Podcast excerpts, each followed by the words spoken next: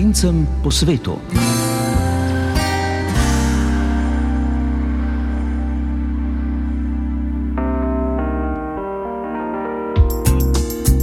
Lepo pozdravljeni v predpraznični oddaji. Včeraj je na slavnostni seji državnega zbora pred ponedeljkovim dnevom samostojnosti in enotnosti prisegla nova predsednica Republike Slovenije Nataša Pirc-Musar, prva ženska v Sloveniji na tem položaju. V spremnem nagovoru je napovedala, da se bo še naprej borila za človekove pravice in dostojanstvo. Med ključnimi izzivi svojega mandata je naštela podnebne spremembe, energetsko in zdravstveno krizo, izpostavila Izpostavila pa je še polarizacijo in krizo v medijih. Nova predsednica je danes od predhodnika Boruta Pahorja tudi uradno prevzela posle.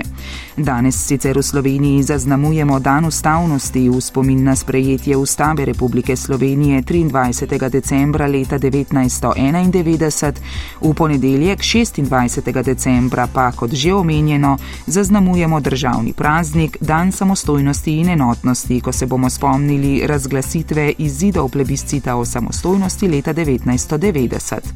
Pred nami pa je seveda tudi Božič, ki ga praznujejo tudi številne slovenske družine širom sveta, med drugim v Buenos Airesu, kjer živi tudi ena od sogovornic tokratne oddaje.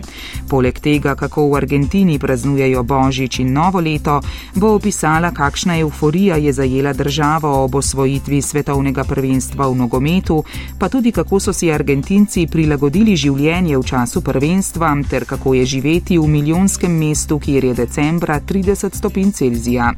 Kakšnih 20 stopinj bolj mrzlo kot v Buenos Airesu pa je te dni v Augsburgu v Nemčiji. Slišali boste, da ima tamkajšnja božična tradicija okraševanja bogato in dolgo zgodovino. Pogovarjala pa sem se tudi s slovensko antropologinjo, ki živi v Londonu in se veliko ukvarja s človekovimi pravicami. Odajo sem pripravila Živa Trček, za glasbeni prizvok je poskrbel Jane Weber. Najprej o slovenski znanosti in povezovanju znanstvenikov s širšo javnostjo. Društvo v tujini izobraženih slovencev je skupaj z Ministrstvom za izobraževanje včeraj in danes pripravilo simpozij slovenskih raziskovalcev v tujini, ki je potekal v hibridni obliki, delno iz prostorov ministrstva v Ljubljani in delno prek spleta. Cilj konference je bilo vzpostavljanje in utrjevanje vezi med slovenskimi raziskovalci v tujini in profesorji, raziskovalci ter študenti v Sloveniji. Ena od okroglih misij je potekala na temo občanstva slovenske znanosti, na njej je sodelovala tudi antropologinja dr. Pina Sadar, ki že več kot desetletje živi v Veliki Britaniji, zadnje leta v Londonu, kjer trenutno deluje v okviru ene od vladnih agencij, ki se ukvarja z vključevanjem državljanov v politične procese in razvoj politik. Ob robu simpozija sem jo povabila na pogovor o njenem življenju in delu na otoku. Najprej pa me je zanimalo, ali je Slovenija sploh še njen dom. Že več kot desetletje namreč živi na otoku, predtem pa je živela tudi v Turčiji in Estoniji. Kako se je vračati domov v Slovenijo? A Slovenijo še pojmujete kot svoj dom ali ne več? Uh, ja, seveda, um, prihajati v Slovenijo je vedno zelo lepo in vedno bo ostal moj dom. Um, tako kot recimo, ne vem, starši pravijo za svoje otroke, ne, ni vedno, da uh, imaš nekoga rajš kot drugega in nekako jaz tako tudi imam tudi Slovenijo. Ne, um, da tudi glede na to, da imam zdaj v tujini dom, v Angliji konkretno, um, Slovenija ostaja. Um, ima posebno mesto v mojem srcu in v mojem življenju, seveda. Bi vas samo pa vprašala, najprej seveda Božič, potem novo leto. Uh, kako na otoku praznujejo te praznike. Vendar je tam drugačna kultura in imajo anglikansko crkv. Eh, kakšne običaje imajo?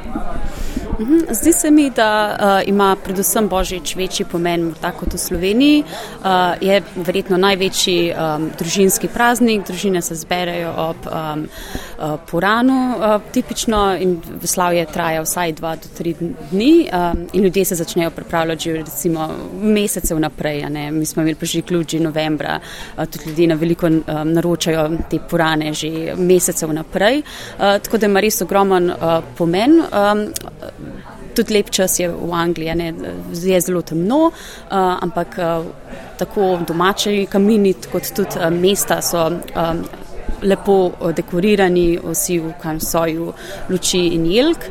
Bi pa mogoče samo omenila, da letos, kot verjetno tudi slo, slovenska publika ve, so božični prazniki tudi malo v znamenju ekonomske krize, ki je zelo, zelo, za zelo veliko družin še posebej problematičnih ne, in to nekako visi nad nami. Um, to dejstvo, da ne bodo vse družine imele lepih praznikov zaradi um, stroškov, uh, zaradi recesije in zaradi vseh drugih stvari, ki so trenutno um, zaobjeli otok. Na otoku je anglikanska crkva, vrhovni vodja ne, te crkve je zdaj kralj, novi kralj, tako da bojo letos prazniki v bistvu tudi zato v Angliji drugačni oziroma na otoku, ker je nov monarh. Ne? Ja, seveda, um, kraljeva družina ved, še vedno ostaja stalnica uh, v britanski družbi in posebej v božičnem času um, se družine ponavadi zberejo ob naslovu monarha. To bo letos prvič uh, Karel III., tako da so že ugibanja, o čem bo govoril, kako bo kot prvič, kot um, vlogi monarha naslovil svoje uh, sodržavljane. Uh, ja, trenutno je kraljeva družina imela kar precej. Um, škandalov um, v povezavi z, z rasizmom, v povezavi z notranjimi družinskimi razkoli. Uh, tako da se mi zdi, da uh, Britanci kar zelo intenzivno spremljajo tabloide in druge medije uh, in je bilo zdaj res mesece uh, zelo aktivno na tem področju. Če si kraljevi opazovalec ali pa čist um, skeptik. No, vi sicer niste znanstvena kraljeva opazovalka, ste pa antropologinja, kar pomeni, da vas zanimajo ljudje. Kaj vas je tako fasciniralo, da ste se odločili za ta študij in potem za tako kariero? Ja, kot ste že sami omenili, ljudje so uh, vedno zanimiv um, subjekt, objekt. Um, um, opazovanj, družbe in svetovi, ki nas obdajajo, um, so taki pač dinamični uh, sistemi, ki se vse čas spreminjajo, vedno ponujajo nekaj novega in tudi um, študij in delo antropologa ni nikoli uh, dolgočasno. Ne? Kakršne koli stalnice so v življenju, a ne ljudje vedno presenečajo um, s svojim obnašanjem, s svojimi odnosi, uh, s premembami v družbi. Uh, tako da ja, je to eno zelo zanimivo področje, ki se dotika tudi vseh drugih, se mi zdi, področji. Um, znanosti in splošnega življenja. No, v svoji znanstveni karieri ste se ukvarjali s preučevanjem enakopravnosti, potem preučevali ste zakrivanje žensk, potem ukvarjali ste se tudi žrtvami nasilja, eh, terorističnih napadov. Ja, mislim, ne enakopravnost v družbi je mogoče neka stalnica uh, mojih zanimanj, uh, ki nekako povezuje vse različne um, karierne točke in tudi nasplošno moje zanimanje. Um, ja, se mi zdi, da je to eno zelo pomembno področje, um, ki ponuja še ogromno prostora za prihajajoče raziskovanje in predvsem spremembe. Um, V družbi, v politiki in na splošno. No, na konferenci UTISA ste nastopili na panelu o občanski znanosti, tako imenovani uh, Citizen Science. Eh, kot smo slišali, je nekakšen slovenski prevod, ki se je uveljavil kot rečeno občanska znanost, ampak obstajajo pa tudi še drugi termini, skupnostna znanost, participativna znanost, ljudska znanost. Kaj v povezavi s tem vi na vašem področju proučujete? Vi namreč trenutno v Londonu delate v Policy Labu, to je vladna agencija. Eh, na kakšen način se s tem tam ukvarjate? Ja, jaz trenutno delam uh, v vladni skupini, ki se ukvarja um, z, z demokratizacijo um, vladnih uh, politik in služb. Uh, in kar mi poskušamo narediti, je uh, patentirati, uh, testirati in aplicirati različne metode in urodja, kako odpreti um, dostope do vladnih politik uh, čim širšim, um, širšim skupini državljanov. No, pa da samo na hitro omeniva, kaj pravzaprav je um, občanska znanost.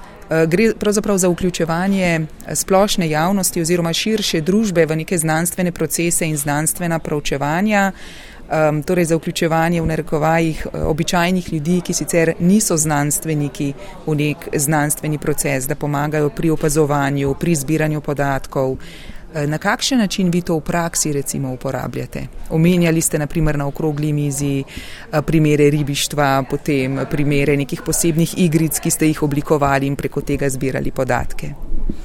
Ja, tako je. Ne, zdaj mislim, da smo kot znanstveniki, raziskovalci pogosto bili nekako zaprti v teh slovenkoščenih um, stolpih ne, in delali vse v veliki izolaciji. Uh, in zdaj vidimo v, v družbi 21. stoletja problemov ne moramo več naslavljati sami, ampak res potrebujemo široko participacijo občanov, ki nam pomagajo um, pridobiti. Um, boljše, več podatkov uh, in s tem tudi pač naslavljati um, družbene in znanstvene probleme. A lahko samo še na kratko omeniva tisto, kar ste tudi že prej na panelu omenjali, tisti primer ribištva? Pred kratkim smo delali um, projekt o prihodnosti ribištva um, in to je zdaj eno področje, ki se mogoče zdi zelo nišno, ampak je v Angliji zelo kontroverzna uh, tema. In kar smo mi poskušali narediti, je nekako um, dobiti podatke od tisočine in tisočine ribičev, ki lovijo brancina konkretno v, uh, v Angliji in uh, Walesu. In kar smo se, recimo, soočali smo se s problemom, uh, kako nasloviti ljudi, ki mogoče niso najbolj konvencionalno znanstveno pismeni.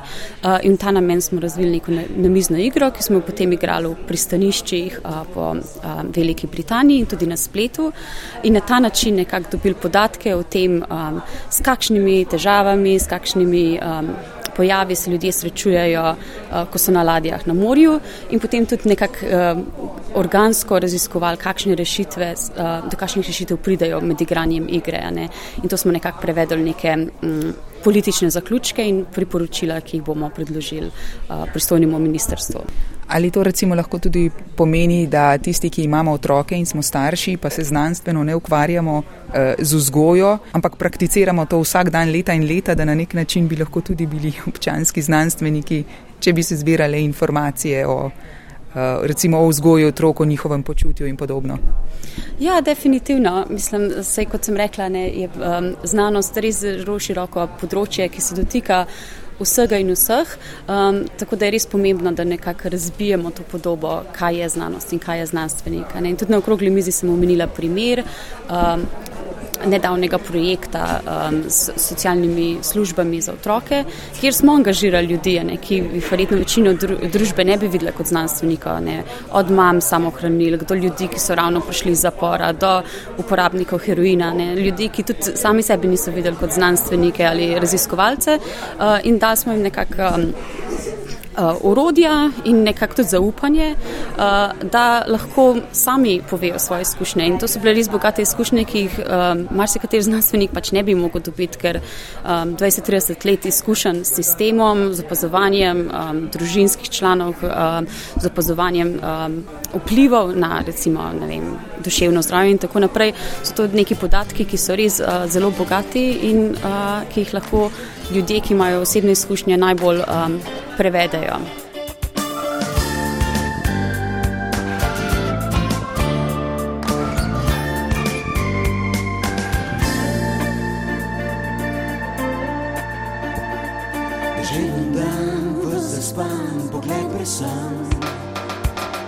Zakaj sem tu in nisem tam? Mm, kjer konec je sveta? Lepše jutro je doma.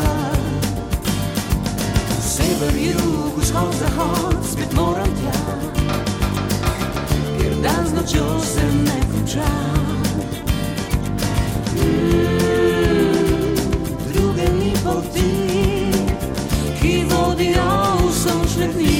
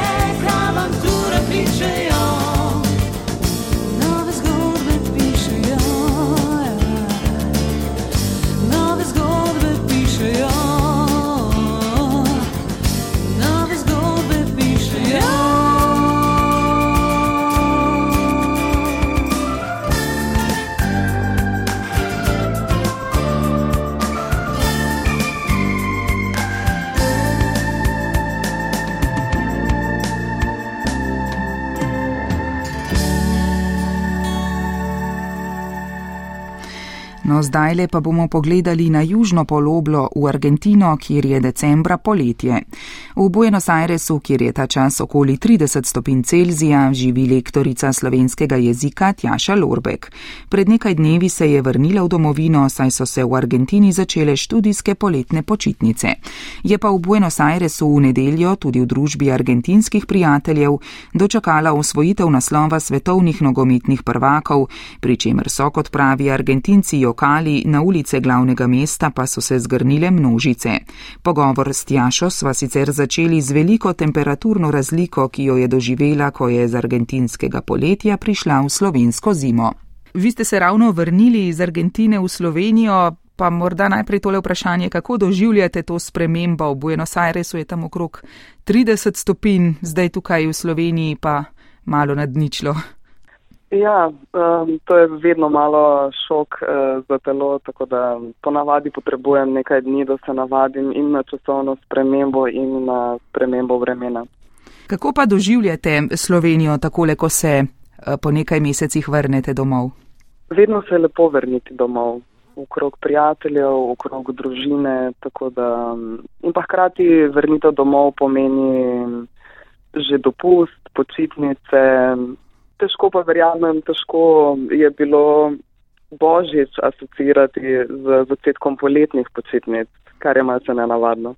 Ja, namreč od tam, od eh, kjer ste se vrnili, torej iz Argentine, tam je zdaj poletje, tako da ste vi pravzaprav prišli med tamkajšnjimi poletnimi počitnicami domov v Slovenijo, tukaj je pa zima. Tako, ja, ker Argentina leži na južni polobli, kar pomeni, da je leto obrnjeno. Ko imamo v Sloveniji zimo, imamo v Argentini poletje. Tako da ja, pravzaprav uh, Božič uh, za nas v Argentini pomeni zaključek koledarskega leta in hkrati zaključek šolskega, študijskega leta in začetek poletnih počitnic. Ja. Eh, no, Tjaša, glede na to, da ste bili konec minulega tedna še v Buenos Airesu, vas seveda moram vprašati, eh, kako je bilo v nedeljo, ko je Argentina postala svetovni prvak v nogometu.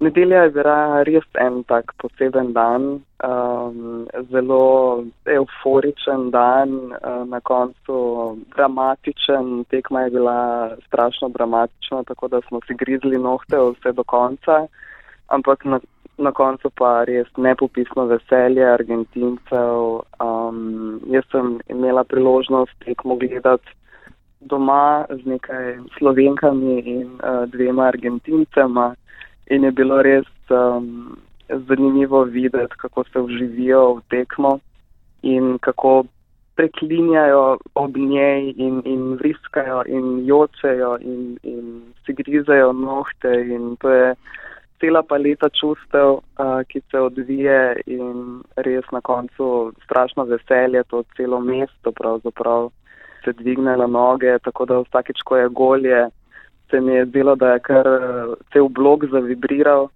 in to pravzaprav na vsaki tekmi, ne samo um, v finalu, ampak ja, res je posebno doživetje biti v taki državi, ki je tako navdušena nad nogometom za finale svetovnega prvenstva, ki, ki so ga celo dobili. Mi smo tukaj, seveda v drugih državah, lahko samo potem po televiziji in po posnetkih spremljali, kako so se po koncu tekme potem dobesedno sto tisoči ljudi zgrnili na ulice.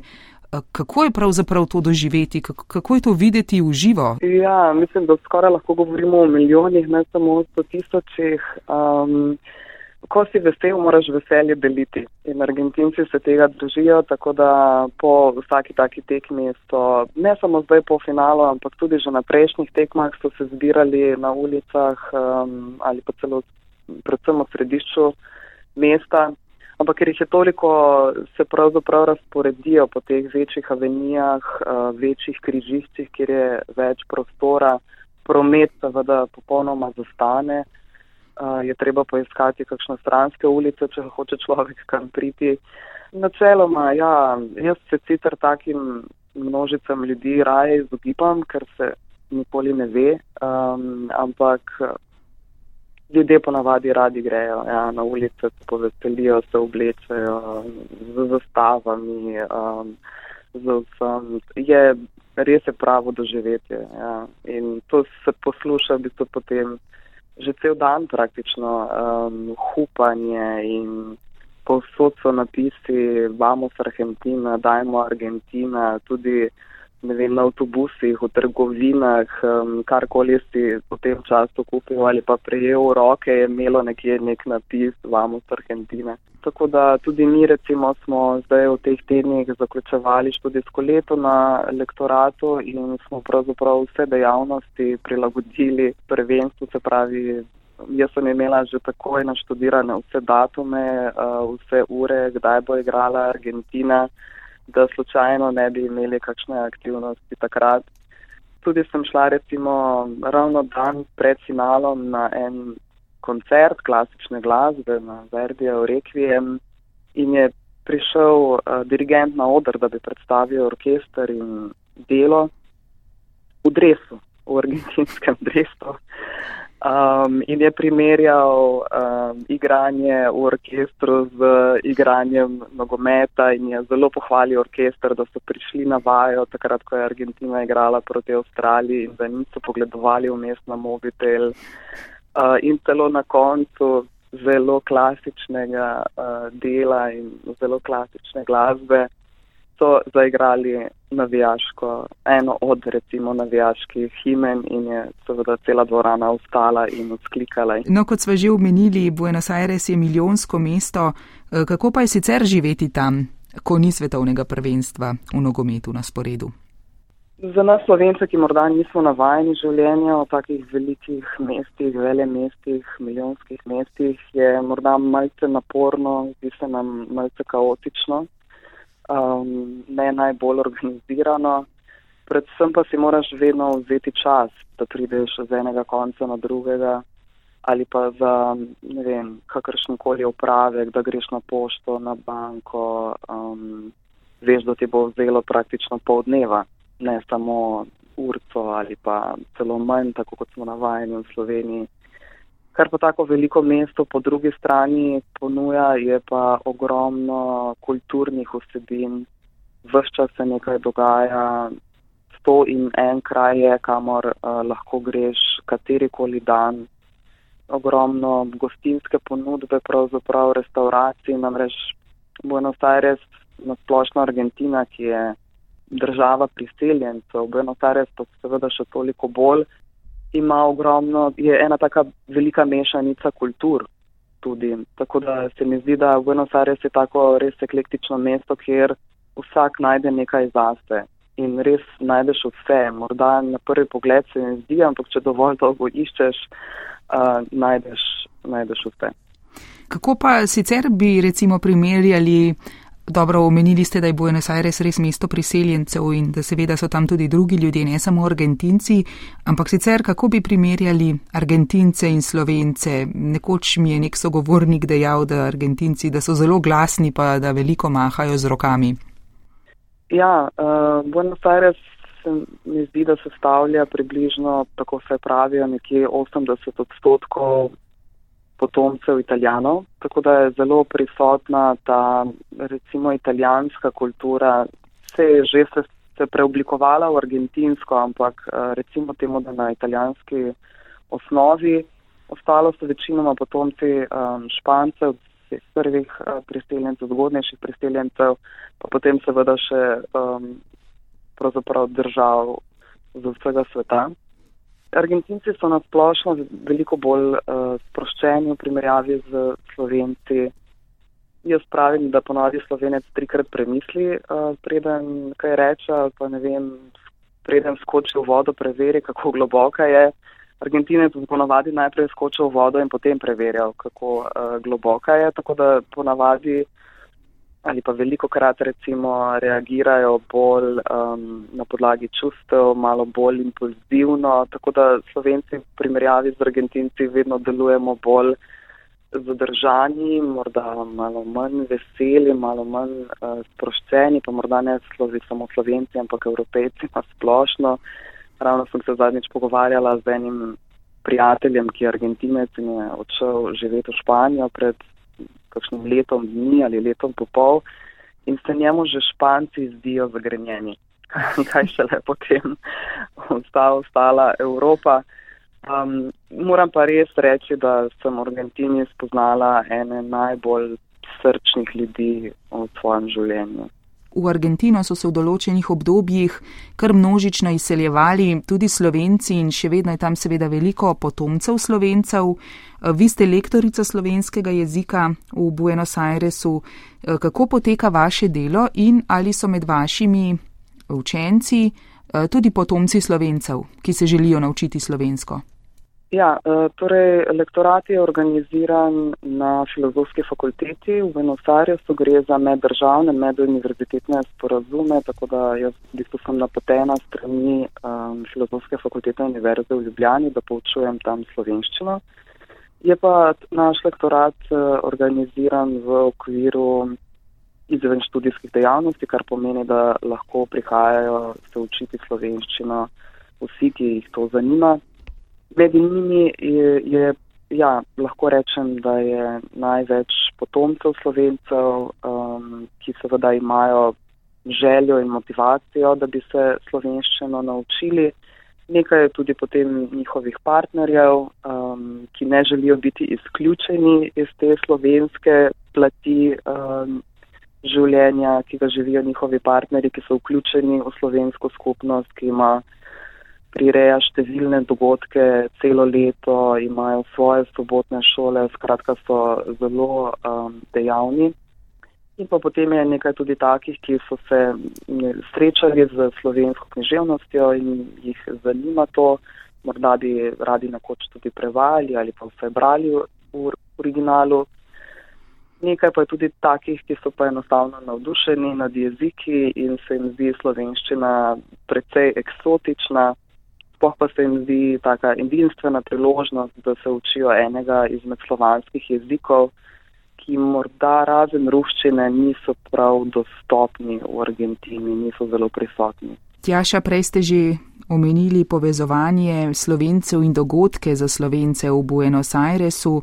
Kako tesno sodelujete z drugimi slovenci tam oziroma s slovensko skupnostjo? Um, najtesneje sodelujemo z veleposlaništvom Republike Slovenije v Buenos Airesu, ki nam je res vedno na voljo, vedno pripravljeno priskočiti na pomoč, tako finančno kot tudi z vseh drugih vidikov. Tako da ponavadi, ko se organizira kakšen dogodek na lektoratu, se vedno povežemo tudi z veleposlaništvom več nas je lažje, je, sploh ker smo tako oddaljeni in vsak um, tak dogodek je tudi finančni zalogaj.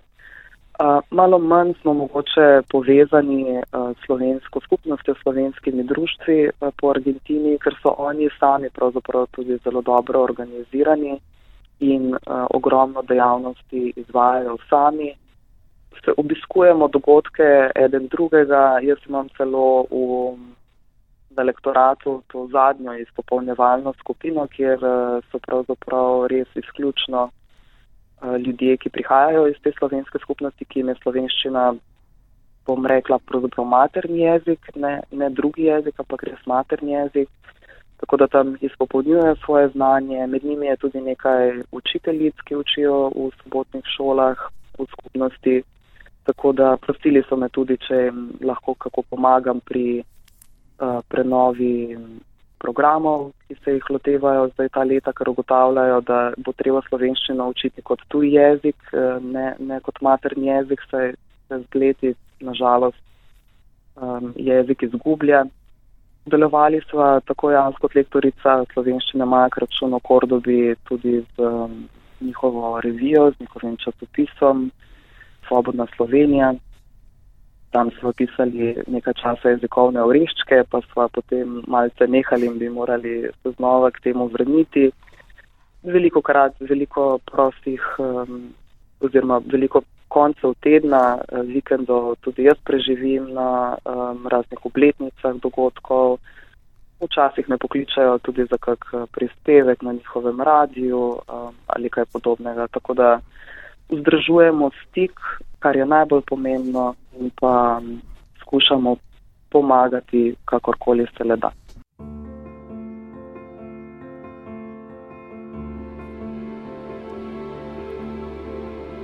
December je čas praznikov, ko v upanju želje nosimo domov, ko vsak od nas hiti, da ne zamudi. In pripravljen bo za radosti bližnjih dni. Iščemo spominu, le kaj za res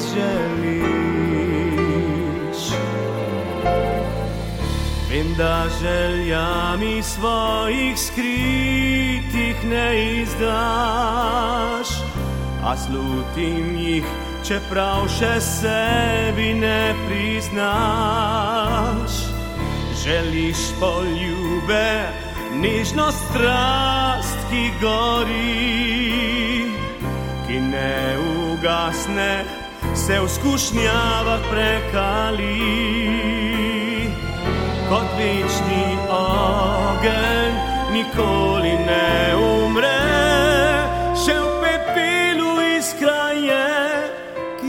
ostane razumame. Na oknah hiš, vetrovni piš, snega belino rasuje kot drobiš, özledim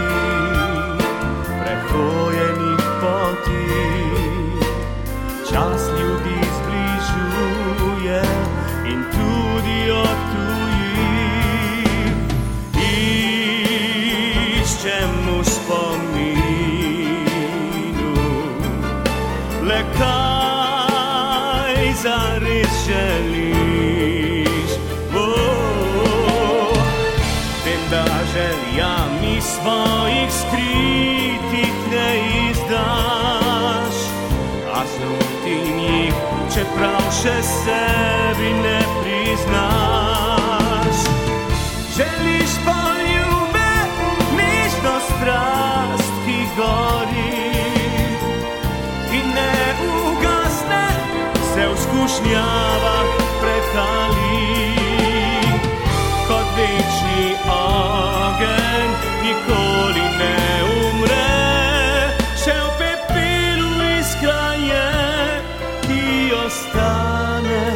razname. Ogenj.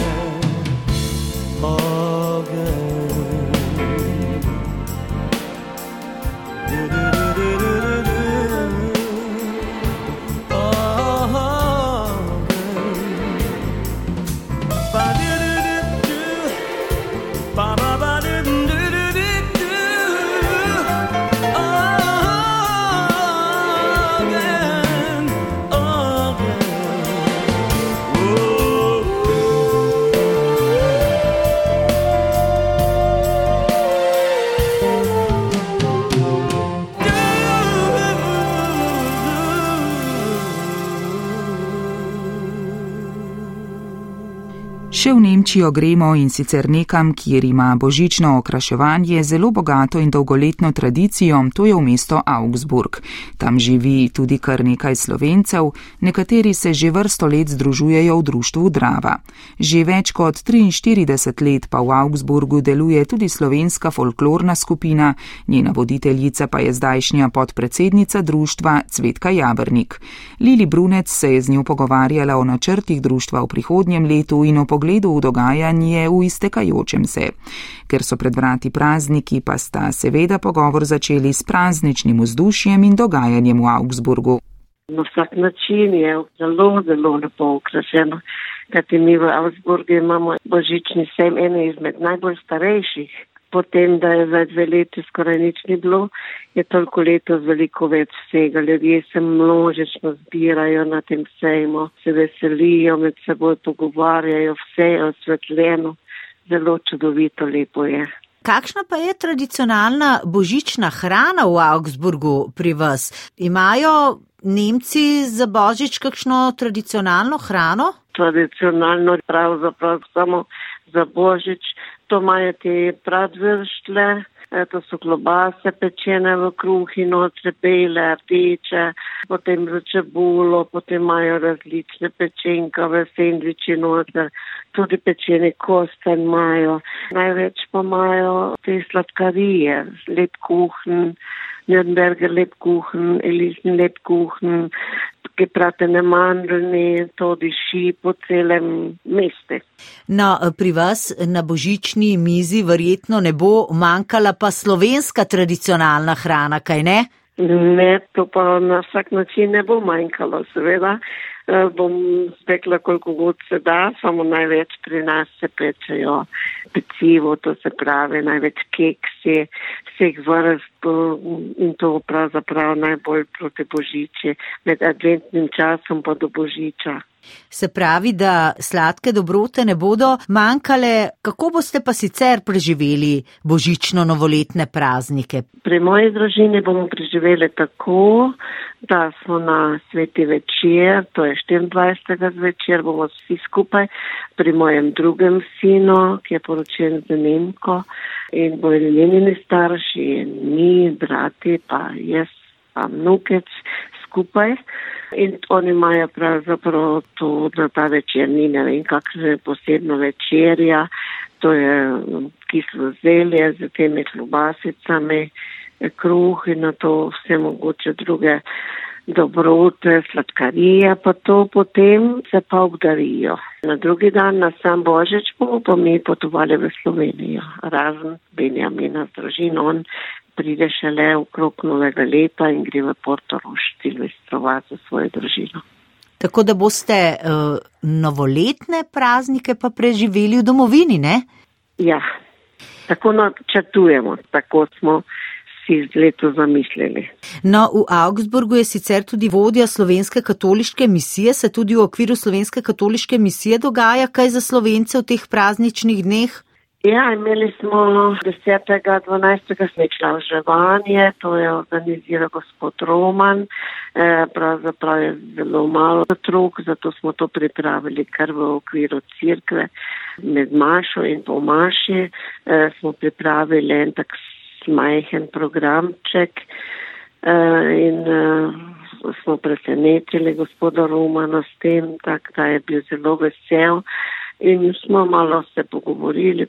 Sedaj pa imamo božičnico v Ulmi Poločke, pa pol imamo v Ravensburgu in na 25. na sam božič dan pa imamo v Ravensburgu polmašo. No, tako da se boste tudi tam slovenci zbrali na Božič. Sicer pa, gospod Cvetka Javrnik, vi ste dolgoletna članica, tudi dolgoletna predsednica društva Drava v Augsburgu in vodja folklorne skupine. Kakšne dejavnosti pa načrtujete v društvu v novem letu in kakšni izzivi so pred društvom Drava v novem letu? Ja, z novimi izidi smo začeli že kar novembra, ko smo imeli občni zbor in takrat smo izvolili novo predsedstvo, tako da lahko se pohvalim, da smo dobili novo predsednico, to je gospa Brigita Savski. Uh, jaz sem ostala podpredsednica in sem jim obljubila in bom stala jim v strani in pomagala, koliko se bo dalo. Potem smo tudi v folklorni skupini zbrali novo vodstvo, to je pa Brigitina hčirka, Ane Marija Savski in pa en drugi fant, Robert Maktič, ki skupaj sta prevzela vodstvo te folklorne skupine. Tudi njim sem obljubila, da jim bom stala v strani da jim bom pomagala pri izbiri nož, plesu. Mislim, da po velikih letih mojega delovanja je prav, da predamo nekaj v roke mladim, da začnejo oni nadaljevati, kajti če se bo samo na nas starih vse naslanjalo, potem vemo, da par let pa ne bo več tega. Želimo pa, da ta slovenska društva, ta slovenska dejavnosti kot folklora in vse druge stvari, ki imajo društva, želimo ohraniti za naslednje generacije. Imate v načrtu že kakšne dejavnosti za prihodnje leto v okviru društva? Nekaj se že obeta, ne? Ja, na vsak način pripravili smo program dela. Najprej se bomo sestali že 21. marca, ko bomo imeli po novoletno srečanje, ker je sedaj bilo toliko polno dela, vsak je imel svoje obveznosti, da nismo mogli skupaj prigati. Tako se bomo pol po novem letu srečali in potem pa tudi že načrtujemo folklorni seminar. To se bo odvijalo v času med februarjem in pa aprilom. No, tako da dejavnosti se obetajo tudi v novem letu, tudi nekaj ste jih uresničili v letu, ki se izteka, nekaj jih je bilo kljub temu, da je preteklost krojila pandemija, ne? Ja, težko je bilo, malo je bilo sestajanja, malo srečanja ali skoraj nič. Uh, mi v, na Bavarskem in tudi v Asburgu smo bili zelo, zelo dolgo zaprti, nismo smeli imeti nobenih vaj, se nismo smeli nekje srečevati, nič. Uh, ali kljub temu smo potem uspeli v parih vajah se skupaj zbrati, da smo lahko šli na dobro došli doma in to sem vesela, da sem še to lahko organizirala, da smo vse pokazali, kajti bili smo edina folklorna skupina iz cele Nemčije. In uh, prav je, da vidijo doma, da vse eno, tudi v teh težkih časih v tojini, vse eno nekaj delamo in nekaj pripravljamo za domovino. Gospod Svetka Javrnik, najlepša hvala za ta pogovor, prijetne in mirne božične praznike vam želim in veliko zdravja, sreče in uspehov v novem letu in čim več obiskov domovine. In lepo zdrav Nemčijo.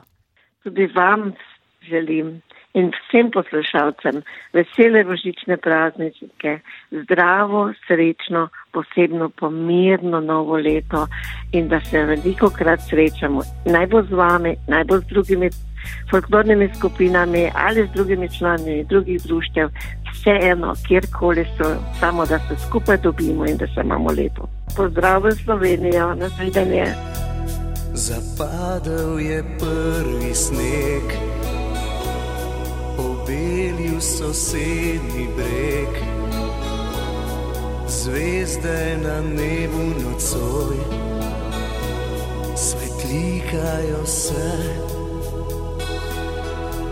Na ulici sam stojim, vesel sem, a se bojim, da samo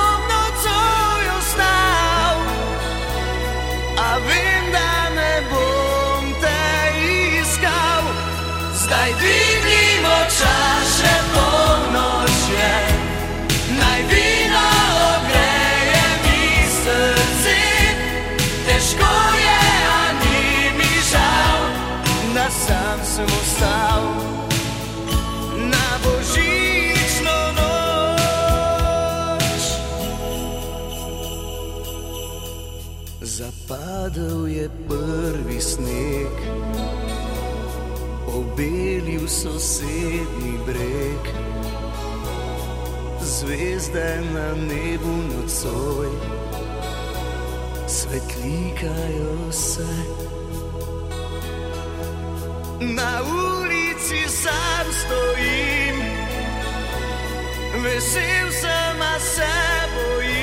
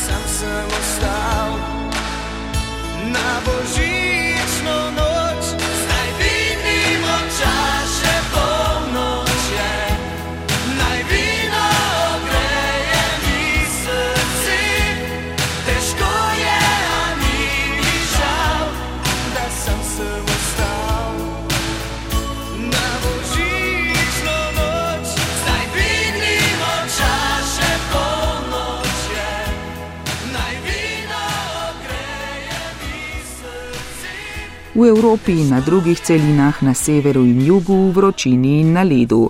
Vsi bomo že čez dober teden dni vstopili v novo leto, še pred Silvestrovim pa bo tudi veliko slovencev širom sveta praznovalo Božič. Kjerkoli že boste, lepe praznike vam želimo Lili Brunec, glasbeni urednik Jane Weber, tonski mojster Jane Sahlin ter Živa Trček, ki sem vas vodila skozi oddajo. Najdete nas tudi na spletni strani prvega ter v podkastu oddaje. Do prihodnjič vas lepo pozdravljam.